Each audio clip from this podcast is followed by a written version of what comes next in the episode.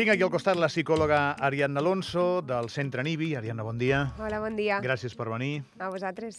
Avui parlem d'un tema molt complicat d'analitzar Uh -huh. si no et poses en mans de professionals, perquè les persones, davant de situacions com les que comentarem ara mateix, eh, tenim, eh, qui té fills, l'obligació d'anar resolent eh, doncs, eh, els obstacles, els problemes, el, les pantalles que, que, que, que van passant les criatures. Però aquesta és molt recent Uh -huh. i és bastant complicada. Eh? A veure, eh, la, les criatures no tenen dret a veure-ho tot. Uh -huh. És així. I en determinades edats, encara que, estiguin, que estiguem democratitzant la informació i la circulació de la informació, hi ha coses que no han de veure, no els correspon encara perquè no estan formats. Eh, I un dels temes en els que això que acabo de dir és més clar és el porno. Uh -huh. Llavors, els crios estan veient massa porno i massa d'hora.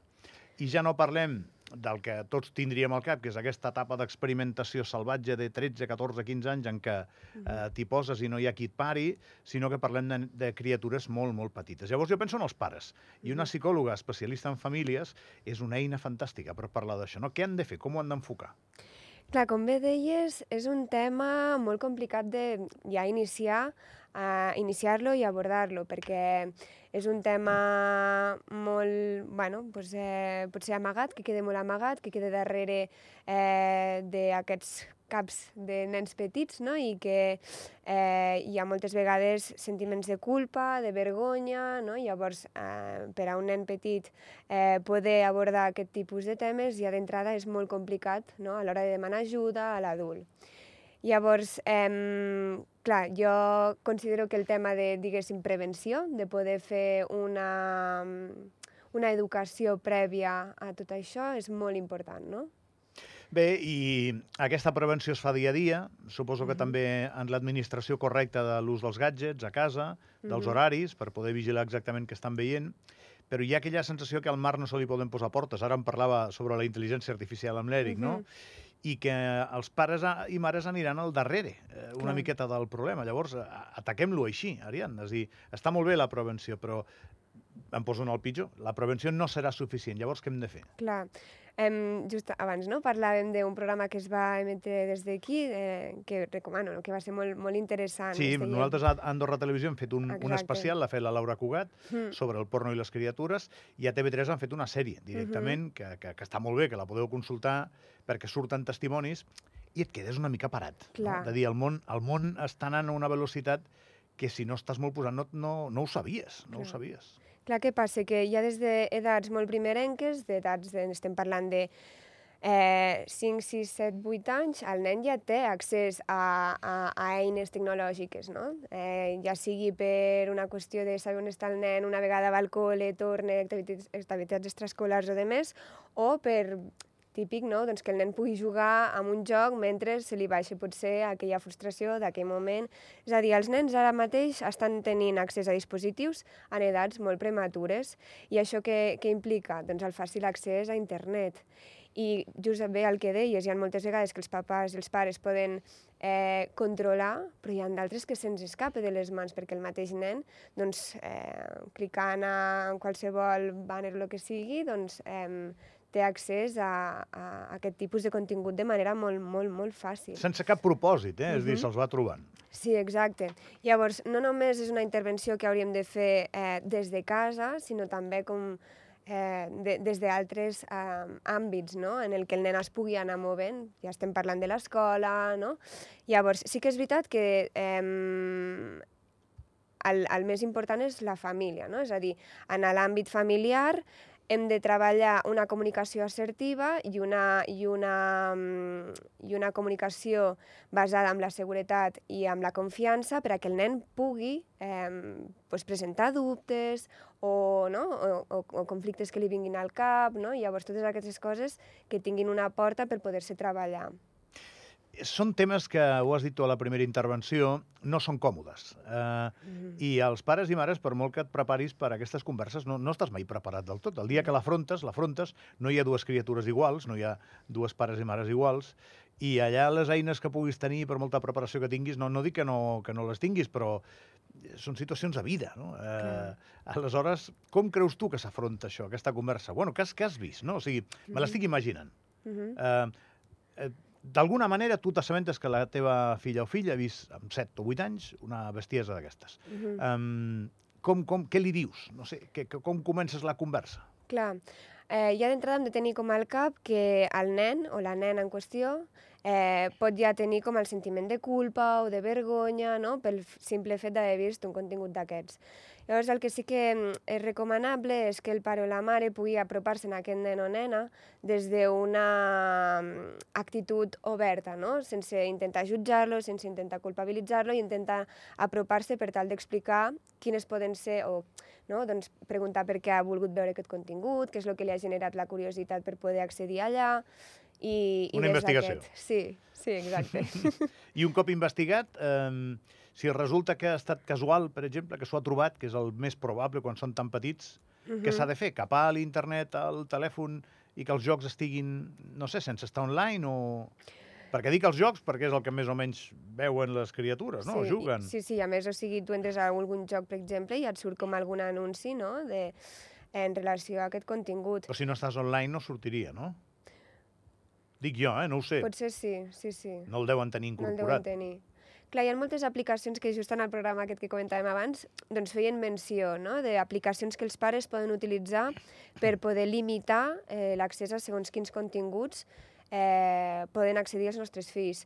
Llavors, un dels temes sí que seria aquest, poder utilitzar aquest tipus d'aplicacions, però també en el moment en què potser el pare o la mare se senti desbordat o desbordada per no saber com eh, actuar en aquests casos, sempre és recomanable eh, bueno, demanar ajuda a un especialista, no? Bé, eh, aquest és el camí més, més recte, tu creus? Per...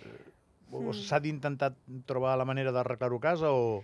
Clar, jo sóc partidària de que intentem treballar-ho des de casa, però Vale. a vegades quan no tenim les eines està bé demanar ajuda. Sí que és veritat que llavors hem de tenir com molt clar eh, quines són, perquè hi ha moltes eh, diferències en relació a l'educació sexual depenent de l'edat del nen, no? És a dir, per exemple, un preadolescent doncs, tindrà la necessitat de tenir la seva intimitat, de preservar no? doncs, aquest, aquestes, aquests límits eh, en relació a, a, a, a, doncs això, les seves relacions. Em, també començarà a tenir doncs, curiositat pels cossos, no? O sigui, em, hem de saber quines, em, quins aspectes de l'aprenentatge sexual són em, concrets d'aquella edat, no? És que aquí hi ha dues converses diferents, Ariadna. Una és allò que és molt alarmant, que és quan les criatures són tan petites, que és el Clar. que estem comentant, i allò que no és bo, Exacte. que ja són més grans, però no és un model desitjable en les relacions sexuals que tu adoptis com la teva idea genèrica per quan en comencis a tenir, no? que és ja quan tinguin 13, 14... Clar, són dues converses diferents. Per una Clar. banda va l'educacional i per l'altra va la de l'alarma. Això un criu no ho ha de veure. No. Eh, Igual no ho ha de veure tampoc amb 13 o 14, però és que jo crec que ja hi hem de comptar que amb la curiositat que tenen la gent és que ho veuran. D'una manera o d'una altra ho veuran. No? Llavors aquí sí que eh, hem de dipositar un altre tipus de, de contingut per part de la família. No? Eh, Mhm. Escolta, aquest no és el model no? de, de relacions. Així no, no us heu de tractar, les persones Clar. que tingueu relacions sexuals. No? Clar, a mi em dóna la sensació a vegades de que es parla molt del tema, doncs, dels temes sexuals, però no dels temes afectius, no? De, de allò de desenvolupar doncs, relacions sanes, de, que, de quina manera eh, fomentem el respecte, el compromís, no? I aquestes, aquests valors potser que tenen més a veure amb relacions, amb construir relacions sanes i no tant des de la violència, l'agressió, que és aquests, aquests potser aspectes que tendeixen a sorgir més en aquest nou contingut que, que, bueno, que veuen aquests nens, Sí, no? són continguts agressius, de dominació, Clar, um, i si s'agafen com a referència són eh, complicats perquè després els reprodueixen. Estem Clar. parlant de projectes d'adults. clar, exacte, no? I a través d'aquestes imatges fictícies, que al final no deixen, no deixen de ser... Eh, el nen entén, sense aquesta informació prèvia, entén que allò és lo normal. Estic pensant, el, el món eh, va evolucionant en, en, a una velocitat molt gran i ens hem anat dotant de mecanismes, per exemple, no sé, qui havia de dir fa 70 anys que un ta- paquet de tabac posaria que si et fumes allò et mors. Uh -huh. No, per exemple, no? És, eh, hagués- ho haguéssim trobat una barbaritat. No sé a quin punt en determinades coses també hem d'anar incorporant aquests segells, no? Escolta, aquest eh, contingut, eh, per exemple, no? un, un pop-up, ja que estan tan de moda, eh? aquest contingut eh, el pots mirar si et dona la gana, però et revelarà comportaments que t'alertem que poden ser, no sé, eh, algun tipus de, de manera de- de- Clar. de- d'anar conformant una comunitat més sana, perquè jo tampoc estaria d'acord en que es prohibeixi això. O sigui, al final, eh, la gent que vulgui mirar això, que ho miri. Eh, no estic d'acord en que explotin a, a persones que participin en això, no estic d'acord en moltes coses, però al final és la llibertat. Al, al món hi ha moltíssimes coses que s'han de poder fer i les farà qui vulgui. Clar. Però clar, el tema són les criatures, no? Clar, el tema és a veure qui, qui eh, eh, arriba aquest contingut i de quina manera. I en relació a això que comentaves, no? aquest pop-up, clar, eh, entenc que no, eh, tu entres en una pàgina amb aquest contingut eh, pornogràfic i, i ja et surt no? doncs un missatge de tens més de 18 anys, el nen amb un sol clic pot accedir a veure tots Però aquests tu tens, vídeos. tu tens 14 o 15 anys i et surt un que diu tu tens més de 18 anys i què dius? Que sí. Clar, Però qui no s'ha colat a la discoteca? clar. Eh, és que és així. Qui Clar, no s'ha llavors- colat a la discoteca amb menys de 18 Mhm. anys? Perquè estàs en una edat que el que vols és experimentar. Clar. Llavors, potser lo, lo, perquè parlàvem no, també amb... Bueno, eh, potser sí que és interessant limitar, però també eh, des de la reflexió, des del eh, generar aquest pensament crític, eh, compartir valors, Compro, no? compro. Això del pensament crític m'agrada. Mm. L'escola, no? L'escola... No només la família. Mhm. Clar, exacte. I creus que estem en marxa amb això? Estem musculats per, per afrontar aquesta batalla? Jo crec que encara queda molt, no? És a dir, jo crec que tot aquest, aquest realment eh, això està sortint ara molt, diguéssim, se n'està parlant molt, però, però clar, hi ha moltes coses que queden amagades. Doncs pel que parlàvem, la culpa, la vergonya, no? Llavors tot això dificulta molt el poder accedir a, a poder treballar tot això. Saps per què crec jo que no estem preparats del tot? Per la sorpresa que han generat aquests programes, el que han fet a Andorra i el que han Mm. fet a Catalunya. Molta gent ha dit, carai, Mhm. això passa?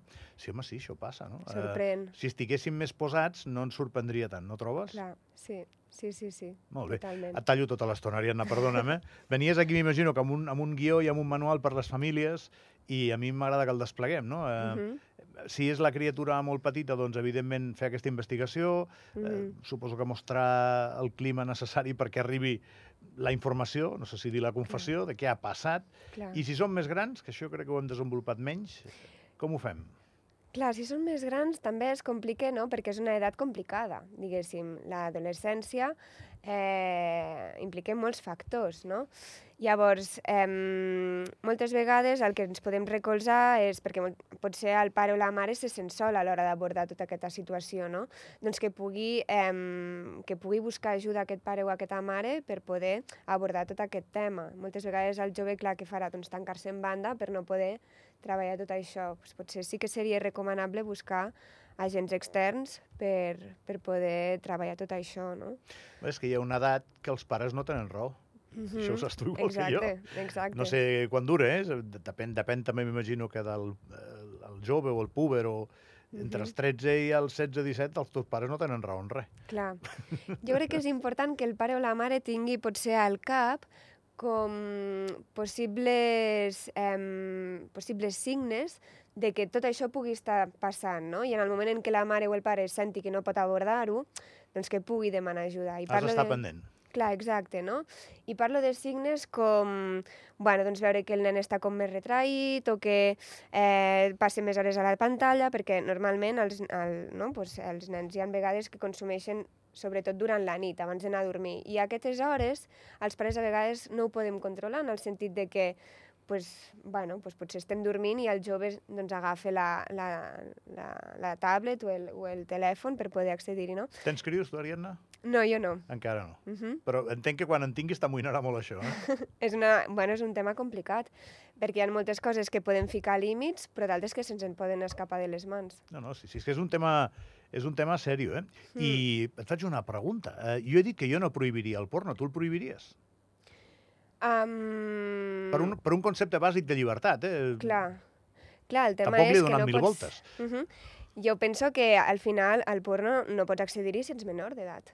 A partir d'aquí, tu s'entén que a partir Però és dels que això no 18 és veritat, anys... és que això no és veritat. Clar, aquí està el tema, que no és veritat, no? Perquè tothom té fàcil accés, però eh, s'entén que a partir dels 18 anys tu ja tens no? doncs una responsabilitat sobre tu mateix, al final, ets major d'edat, i s'entén que, però clar, els menors, amb el servei que s'està construint, nens de 7-8 anys, que estem parlant de que eh, tota aquesta aquesta um, informació que reben, eh, bueno, hi ha un, uns processos químics, no?, eh, i, i, i s'activen els sistemes de recompensa, i, bueno, o sigui, hi ha un, tot un, un, un què que aquests nens tan petits no, no haurien d'accedir a aquest No, això és aquest una barbaritat. contingut. Això és una barbaritat. Però, evidentment, mentre hi sigui, eh, hi haurà la possibilitat que, que accedeixin. Això és un fet. Eh? I no crec que sigui de fàcil solució. Repeteixo, eh? El, tots els exemples previs i anteriors de posar-li portes al camp mm -hmm. han fracassat a, a nivell de- d'internet. Aquí és un tema... Et compro molt lo de l'educació, que, que, que se'n parli, tant a família com a l'escola, que, Clar. que, que hi hagi la llibertat de, de tocar aquest tema, perquè si quan el toques eh, o sigui, la criatura es- es queda amb la informació, un cop s'hi trobi, tindrà una prèvia, almenys tindrà un, una mica de preparació. Clar. Però i a, a més d'això, no, doncs treballar el que és la presa de decisions, és a dir, acompanyar el nostre fill o filla a que pugui decidir, a que pugui també respectar-se, a, a, a ajudar-lo a que pugui eh, entendre de quina manera és una relació sana, perquè eh, a través d'això serà doncs, eh, molt més potser fructífer que no pas ficar límits, eh, sinó des del raonament i des del pensament crític que dèiem abans.